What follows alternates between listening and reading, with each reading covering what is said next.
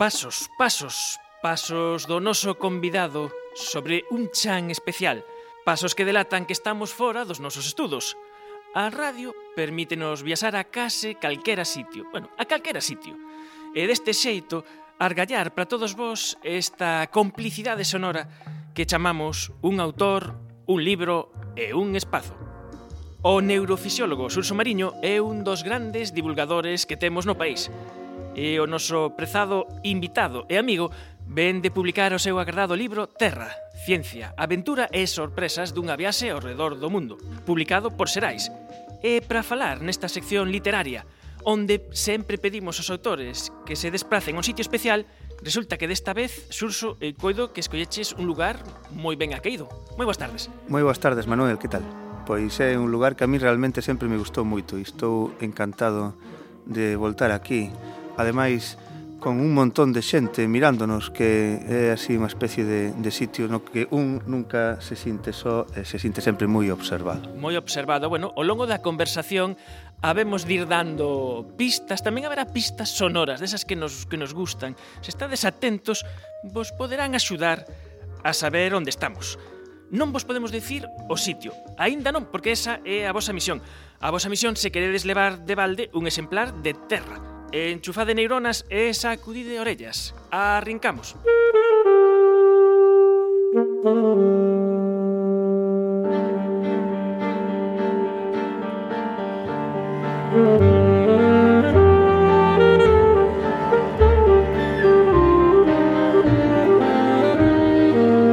Suso Mariño e Maiseli deron a volta ao mundo entre 2013 e 2014.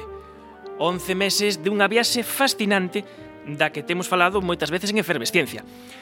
E daquela estábamos impacientes en ter este libro que agora sí, este libro que agora temos nas nosas mans. E logo de, de lelo, de, de gustar as súas páxinas, un o primeiro que comprende é o enorme traballo que hai aquí dentro. O enorme traballo de elaboración, de rastrexo de datos. Está inzado de datos, non deixas puntadas sen fío. O primeiro que chama a atención é que está superdocumentado. É certo, sí, sí, Manuel.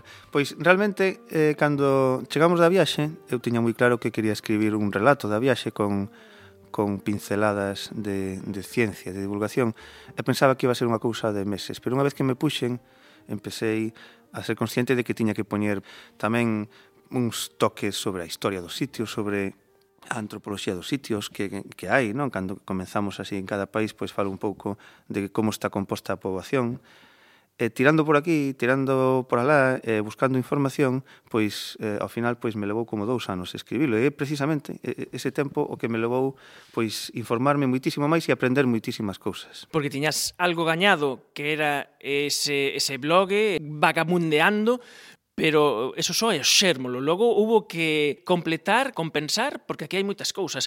Aquí hai ciencia, hai xeoloxía, hai as anécdotas da, da viaxe, que tamén axudan moito o lector, hai un pouco de todo, e, e supoño que, claro, tens que plantexarte como construes a obra, porque non mesmo escribir un blog que escribir un libro.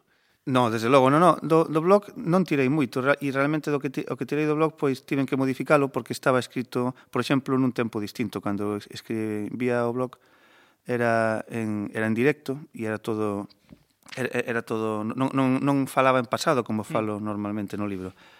E, bueno, pois collindo do blog o que me parecía interesante, pero despois é toda unha construcción nova, por suposto.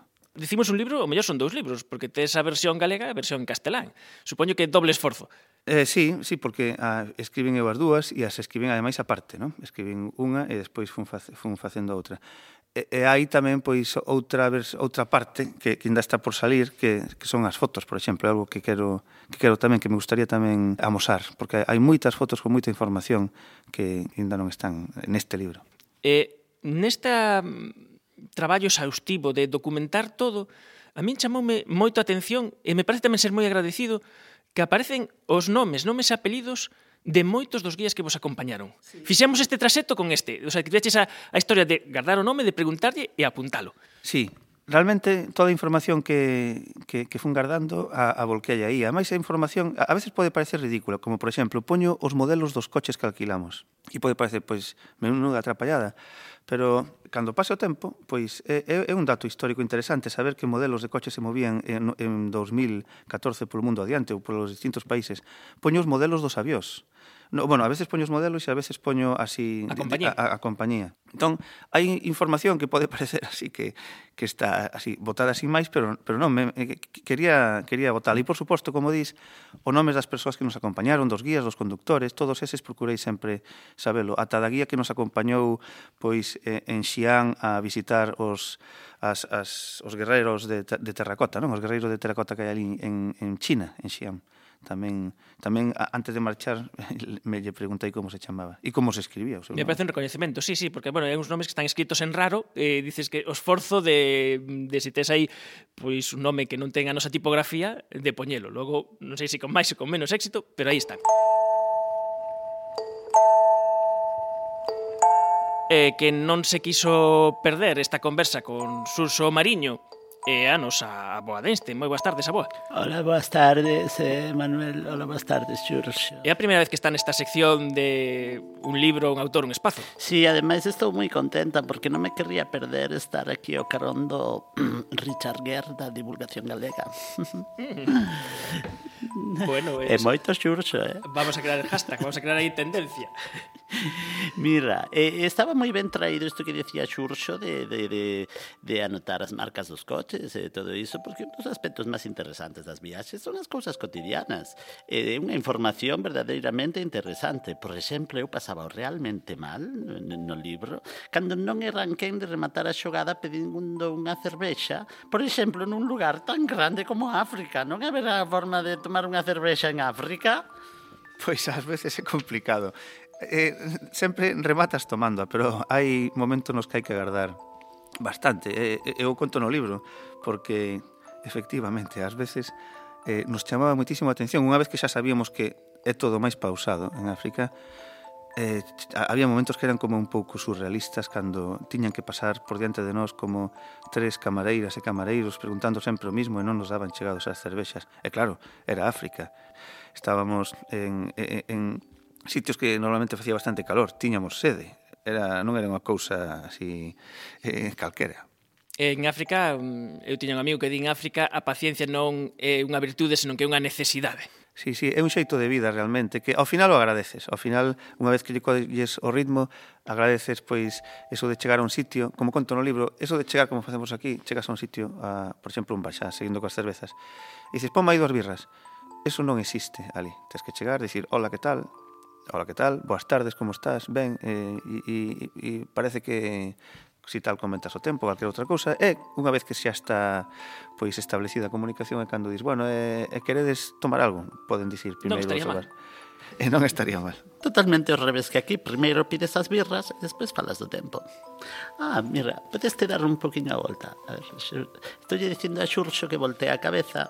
Aparte de ver este, este espléndido sitio no que estamos, este este sitio no que estamos sós, pero non estamos sós, como ben dixo Sus. Non estamos sós, non, estamos... No, no, no, estamos aquí... Parece que hai fantasmas e todo. Estaba mirando aquí a, a Xurxo porque a verdade é que veo igualiño que marchou. Sí, sí, eu sí. pensaba velo chegar cheo de, non sei, cousas como un maorrí, non? Cheo de pinturas, eh, burratos nas orellas, eh, eh, nada. Debería ter un piercing na orella, polo menos. Polo menos. Además, eso explica no libro. Bueno, mellor ten Eh, bueno, non, non, non digo nada. Non dicimos nada. sí, podría chegar moi cambiado, non? Todo depende de si ao mellor nas etapas eh, americanas que teñen moitas sustancias para alimentar o espírito, pois me daba por por, por facer algún tipo de, de, de cambio na, na miña fisionomía, pero bueno, Afortunadamente non foi así. Bueno, digo afortunadamente porque estou cómodo sin ter Pero así, pasar cousas... o Cabo de Fornos, aí había que facer algo. Aí, aí estamos. O Cabo de Fornos, que é un sitio eh, moi coñecido ah, así pa, polos navegantes, ou cando menos polos navegantes desas épocas das grandes viaxes, dos grandes descubrimentos e dos piratas. E según nos conta a historia, pois os que conseguían sobrevivir a ese cabo, o, o Cabo de Hornos para situarnos é eh, o, o punto máis austral de, de América o punto que está máis ao sur de América, non? Antes de chegar á Península Antártica, que sería xa outra cousa distinta. E aí hai uns ventos moi fortes e o mar está está moi revirado está moi enguedellado e os barcos pois sempre teñen problemas. E os que sobrevivían ao paso do Cabo de Hornos, os mariñeiros que sobrevivían e os piratas que sobrevivían, pois para presumir ou para eh, pasar a facer parte desa gandeiría de superviventes, se marcaban con un pendiente, un pendiente na orella, un aro na orella. Un aro na orella. Entón, bueno, agora é unha banalidade, pero daquela un aro na orella significaba moitas cousas. E eses nove meses de viaxe, en efervescencia tivemos un gran luxo. E o luxo eh, foi eh, facer unha sección que chamábamos Diario dun neurocientífico ao redor do mundo.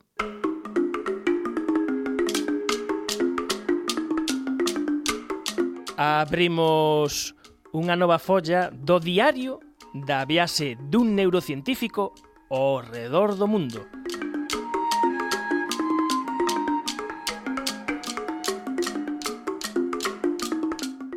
Surso Mariño, moi boas tardes, coordenadas, por favor. Que tal? Boas tardes, Manuel.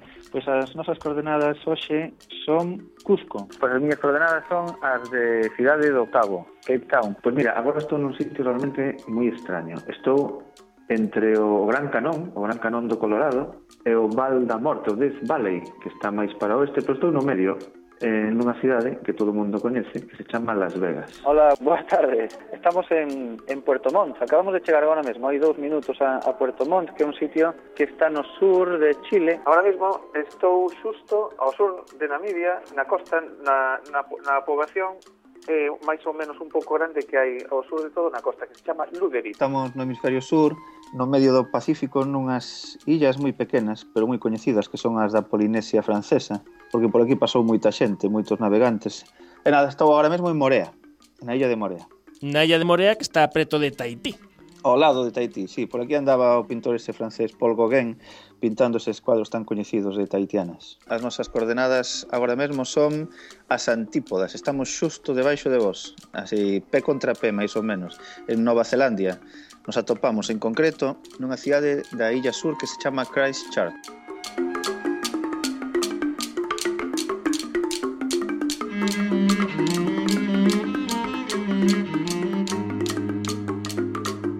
Emoción, ¿no? Sí, sí que estiven en un montón de sitios. Falamos en moitos no. deles, eh? Eu estive aí repescando e digo, bueno, pois pues ainda demos. Además, coincidiu que xusto eh, un deles era xusto as nosas antípodas. Sí. Como decides no libro, eh, xa non podedes escapar máis. Xa todo que fagades é volver. Era moi interesante, porque a partir de aí, calquer paso que deramos era sempre a chegarnos a casa. Entón, era unha sensación moi chula. Despois de Christchurch, que está no sur de, na illa sur de, de Nova Zelandia, que era unha cidade realmente eh, moi triste nese momento porque acababa de sufrir un, un terremoto importante, que destruíra por completo o, o centro da cidade. Entón, xusto o centro estaba, estaba arrasado, eh, un sitio no que morreron bastantes decenas de, de persoas nese terremoto. E claro, pois, a partir de aí pois, todo foi a chegarnos a casa. Unha cousa tamén interesante no libro é que hai momentos nos que elevas o foco e tes esa visión global, eh, na que podes falar, non o fas moito, pero podes falar un poquiño de, por exemplo, de por que os desertos están onde están, eh, porque, porque mm, estás en Atacama, estás en Namibia, e son cousas semellantes, eh, ou, por exemplo, esa, hai reflexión final sobre eh, mm, as culturas, diferentes culturas que se misturan, que pasa cos indígenas, que en algún sitio tiveron éxito, en outros sitios europeos arrasamos con todo. Digamos que hai es, eses momentos nos de de levantar un poquinho o foco. Hai varias reflexións xerais que, por algunha razón, neste libro non quixen estenderme, ao mellor para non quebrar o ritmo pero que están aí e, e, que, e que realmente me gustaría sí que me gustaría sacarlle máis máis punta. E unha delas é esa.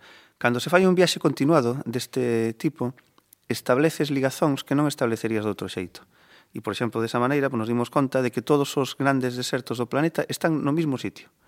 Non é que estén un enriba do outro e que este ahora eu dicindo babecadas aquí senón que desde o punto de vista do Ecuador están esencialmente nas mesmas franxas tanto no hemisferio sur como no hemisferio norte no hemisferio sur, o, o deserto de Atacama, o deserto de, do Namib, en Namibia, e os desertos australianos están nunha franxa que eh, abrangas mismas latitudes. E no mismo no norte, o Sáhara, os desertos do suroeste de Estados Unidos, as estepas asiáticas están tamén nunha franxa. E, e, e iso te das conta cando vas por aí dando voltas e empezas a establecer ligazóns. E o que dis dos povos e do efecto da colonización, eso foi probablemente o que máis me impresionou vallades por onde vallades, por casi todos os sitios pasou o inevitable home blanco, que decía Jad London. Uh -huh. Sí, o planeta está colonizado todo, ¿no? por seres humanos. Eh, os colonos, todos somos colonos, excepto, como tamén comento no libro, algúns, a mellor, povos africanos, absolutamente todos os restos de humanos que andamos por aí son colonos. Foron colonos os aborixes australianos e os maorís que están agora en Nova Zelandia. O que pasa é que o que aconteceu na nosa historia que os europeos tamén tivemos unha época de un despallarnos por aí con unha colonización moitas veces salvaxe e colonizamos aos colonos anteriores, non? Eh, o resultado da, da metacolonización é moi rechamante porque é moi distinto en moitas partes do planeta. Por exemplo, Argentina hoxe é un, é un país europeo. A, a, as, os povos amerindios que había ali, os precolombinos, están todos eh, prácticamente eh, eh, foron arrasados, ainda hai algúns, pero a maioría arrasados. Pero chegas a Vietnam, en Vietnam por ali pasaron pasamos todos, realmente, pasaron os portugueses, os españois, os franceses, os ingleses, os estadounidenses, unha recua de colonos con gañas de facer o que fan os colonos, que obter beneficios e gañar poder, e ti agora chegas a Vietnam e está cheo de vietnamitas non, non ten nada que ver con co efecto da colonización, por exemplo, en Australia, en donde están os descendentes dos europeos e os aborixes australianos están completamente marxinados. Non? Entón, esa relación entre a colonización dos primeiros colonos é moi distinta en distintos sitios do planeta e ainda non teño unha explicación moi clara para cal é a razón. Mira, volvendo a viaxe, hai que recoñecer que fostes moi pillos, eh? porque andabades sempre buscando verán, a boa temperatura. Sí, sí, sí, eso é certo. Claro, cando se fai unha viaxe destas, o primeiro que pensas é para onde tiramos, para o leste ou para o oeste, eso xa para empezar, non? Por exemplo, eh, eh, o, o protagonista da, da novela de, de Julio Verne, eh, A volta ao mundo en 80 días, tirou para o leste. Esa é a trama importante da novela e unha trama moi importante, vamos, eh, non é un spoiler porque non xa coñece to, todo Dios, pero como todo mundo sabe, cando cando chegaron de volta, pois gañaron un día, non? E nós tiramos para o oeste, tiramos para o oeste, polo tanto, eh, ao dar toda a volta, pois en algún momento perdimos un día, fixemos outra cousa, que además non foi ir máis ou menos en liña recta, sino que fomos facendo eses, non? Tirando para o sur, logo para o norte, tirando logo para o sur, logo para o norte, facendo eses perseguindo sempre as estacións de verán ou de primavera e así estábamos en, en contornos de temperatura bastante agradable, pero outra cosa importante é que así non tiñamos que levar a, a roupa de inverno que abulta moito. No sitio no que estamos hai milleiros de obxetos. Eh, obxetos que son característicos de, de moitos dos sitios nos que estivestes. Sí, sí, sí, sí. Eh, é, é un placer eh, explorar coa, coa vista este sitio e moitas veces tropezarte de novo con imaxes da viaxe, non? Por exemplo, hai algúns obxetos neste lugar eh, dos incas, uh -huh. da civilización inca. Ou hai tamén obxectos que de civilizacións moi moi que, que viviron moi preto dos incas, pero que non eran incas. Por exemplo, hai machados de bronce atopados nos Andes. Non sei se si podo seguir así dicindo eh, moitas cousas. Vamos a deixalo así de momento. Imos deixalo así porque tamén podemos dicir que este é un sitio non moi coñecido, non especialmente coñecido, pero é precisamente ten o perfil de sitios que vos buscabades na, na vosa viaxe. A parte de ver cousas que, que vían todos os turistas, tiñades ese plus de, de dicir, bueno, inda que non haxa turisteo, hai sitios que nos interesa. En efecto, si, si visitáramos este sitio onde estamos ou esta cidade onde estamos hoxe, eh, probablemente faríamos o posible para vivir, vir aquí e ver este sitio extraordinario. E, e realmente na nosa viaxe visitamos sitios similares noutros, noutras cidades, noutros países. Bueno, pois, pois queda eso aí o libro está cheo de información, de anécdotas, desde o día que mm, o desodorante vos abandonou en África ata cousas que vos pasaron cos guías e máis que non imos dicir porque é spoiler. Unha cousa que, que, que ademais comenta eh, saber que hai na, na, na é que se pode ler como un queira. Dicir, se pode ler eh, do principio ao final, ou senón, cada un buscando as cousas que máis lle gustan. Pois, se lle gusta moito a xeoloxía, pois ten xeoloxía abondo, pero se lle gustan máis as anécdotas, as tes, ou a parte cultural, ou a parte de, de viaxe, ou a parte incluso de inspiración para quen queira facer unha viaxe. Eu penso que en determinados sitios hai lugares eh, moi inspiradores. E hai 50.000 para comentar, Alguns os comentábamos nesta sección que, que fixéramos daquela. De feito, estou pensando en volver a colgar esa sección de Diario do Neurocientífico redor do mundo para repescar esas cousas, o fío de todo de todo isto. E hai unha que, coido, que non comentáramos no seu momento, pero a mí me fixo moita ilusión atopar aquí. E, e penso que pode ser a última así que podemos comentar. Que Mira, nos mortadelos, cando acababan as aventuras e desaparecían, a veces acababan en Ulan Bator, en Mongolia. Aí, aí non vai ninguén. E, e ademais aí hai unha historia super bonita que contamos algunha vez que é dun dinosauro que a soia da coroa do povo mongol.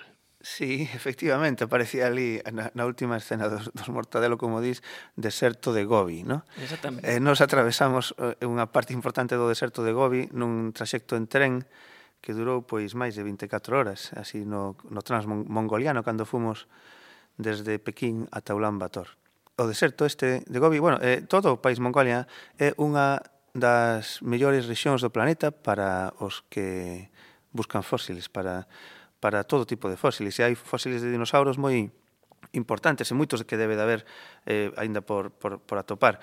Esta historia do Tarbosaurus batar, que é, o, é o, o dinosauro ao que te estaba referindo, Manuel, tamén se chama a veces Tyrannosaurus batar. Non? É moi similar ao Tyrannosaurus rex que todos coñecemos así das, das ilustracións.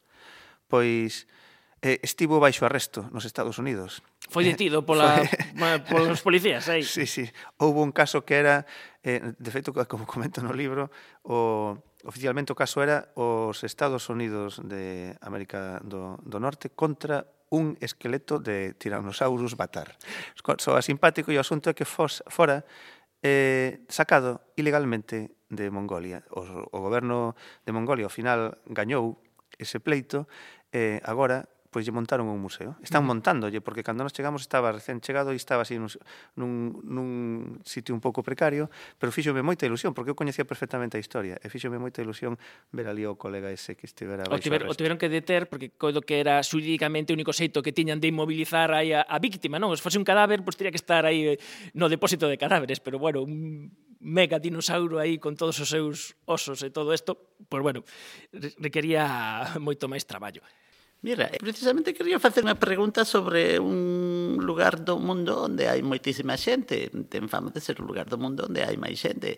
E, bueno, pois, o millor, en sitios onde hai tanta xente, mm, pois non é difícil ter algún tipo de choque cultural. Eh, quizáis sería un lugar onde Xurxo Marriño non sei se querría voltar ou non. Sabes a que me estou referindo? Estás te referindo a China. Está cheo de chinos, efectivamente.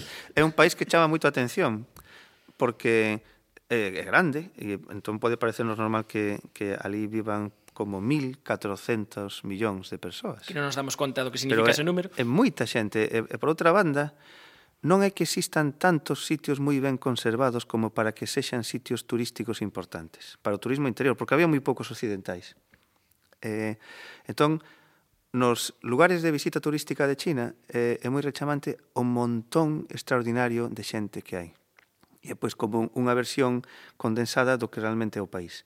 E, e, e sí, é unha cousa que nos chamou moito a atención. E nos chamaba moito a atención un país tan grande e tan moderno, porque era un país que está galopando cara a unha modernización extraordinaria, foi o sitio en donde máis fotos na, na plaza de Tiananmen, en Pekín, foi o sitio en donde nos os, os chinos, os propios chinos, nos paraban para facernos fotos, porque nós éramos xente rara para eles, non? Non éramos xente de cara, con así, con unha fisionomía eh, oriental. E nos chamaba moito a atención porque non deixa de ser unha gran cidade. E o asunto é que toda esa xente que nos paraba non era xente de Pequín, eran chinos de calquera outra parte de China non, por, probablemente de zonas rurais, E o que cando preguntamos, non, como como era que eso era así, é que os chinos o primeiro sitio onde van cando viaxan aos os que viven en calquer pobo rural de China é a Praza de Tiananmen, é a Pequín. Entón nos atopábamos con todo ese mogollón de xente que estaban vendo probablemente por primeira vez un occidental. E como é unha tradición neste programa, gustaríanos escoitar un fragmento de Terra de Xurso Mariño lido na voz do seu autor. Eh, e, Xurxo, este é un reto imprescindible para ser con éxito desta sección. É un reto, además, moi fermoso, ¿no? que leo encantado.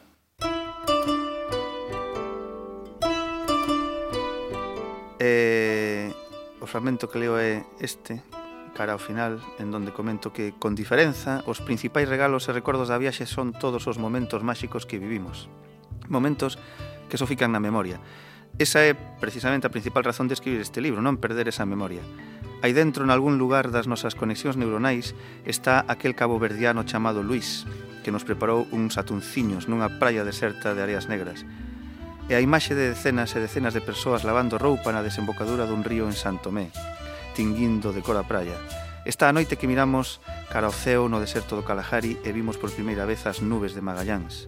E aquel solpor no que se nos apareceu ao norte de Namibia tamén por primeira vez a figura inqueda e enérxica dun rinoceronte. E a madrugada en que en Bosguana escoitamos leóns desde o interior da nosa casa de paredes de tea. É o momento en que sentimos o bramido das cataratas Victoria.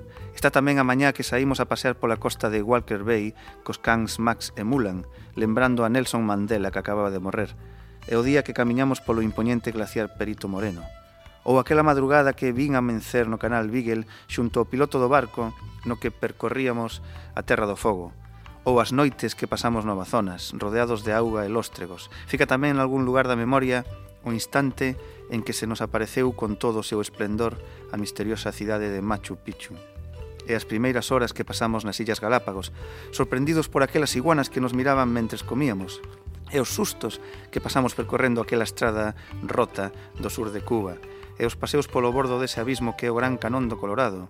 E, por suposto, nalgún recuncho do interior da miña cabeza está o cansazo e a emoción daquel día que vin fluir lava do volcán Kilauea e tamén o momento en que me abrazou unha manta raya nas augas de Morea e o delicioso paseo polo val de Guaimangu, ou o día que pasamos xunto á aborixa australiana Raichiwanga, ou a visita que fixemos ao mercado chinés de Singapur, e tamén o mergullo urbano entre as atarefadas rúas da zona bella de Hanoi, ou o momento inusual en que estivemos as soas ante 6.000 soldados de terracota en Xi'an, e os paseos con Soyula, polos prados de Mongolia entre cabalos e penedos de granito, ou ese longo momento en que subimos a Rundetar de Copenhague, pensando que nos metéramos nun tubo sen fío, ou o instante no que o avión xirou con suavidade cara á esquerda, enfilando definitivamente a pista de aterraxe.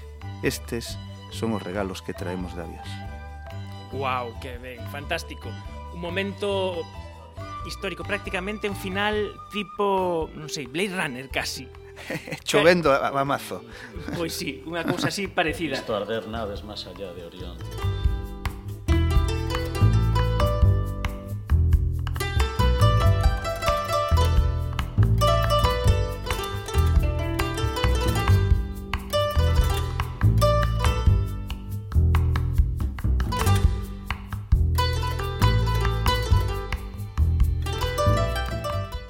Pois con este final apoteósico no que escoitamos nas voces na voz de Surso Mariño este terra eh, despedimos este espazo un autor, un libro, un espazo. Eh, xa sabedes que se queredes un exemplar de balde, eh, o único que tens que facer é acertar onde estamos. Durante cinco días, como sempre, iremos dando unha pista nas redes sociais eh, para mandar a túa resposta só tens que escribir un chío en Twitter coa etiqueta Ulosurso ou deixala no noso muro de Facebook ata este Benres. Moita sorte a todos. Eh, Surso Mariño, moitas grazas por facer esta pequena viaxe que fixestes ata aquí, pero esta gran viaxe que reflexaches en terra. Grazas, Manuel, grazas, a boa.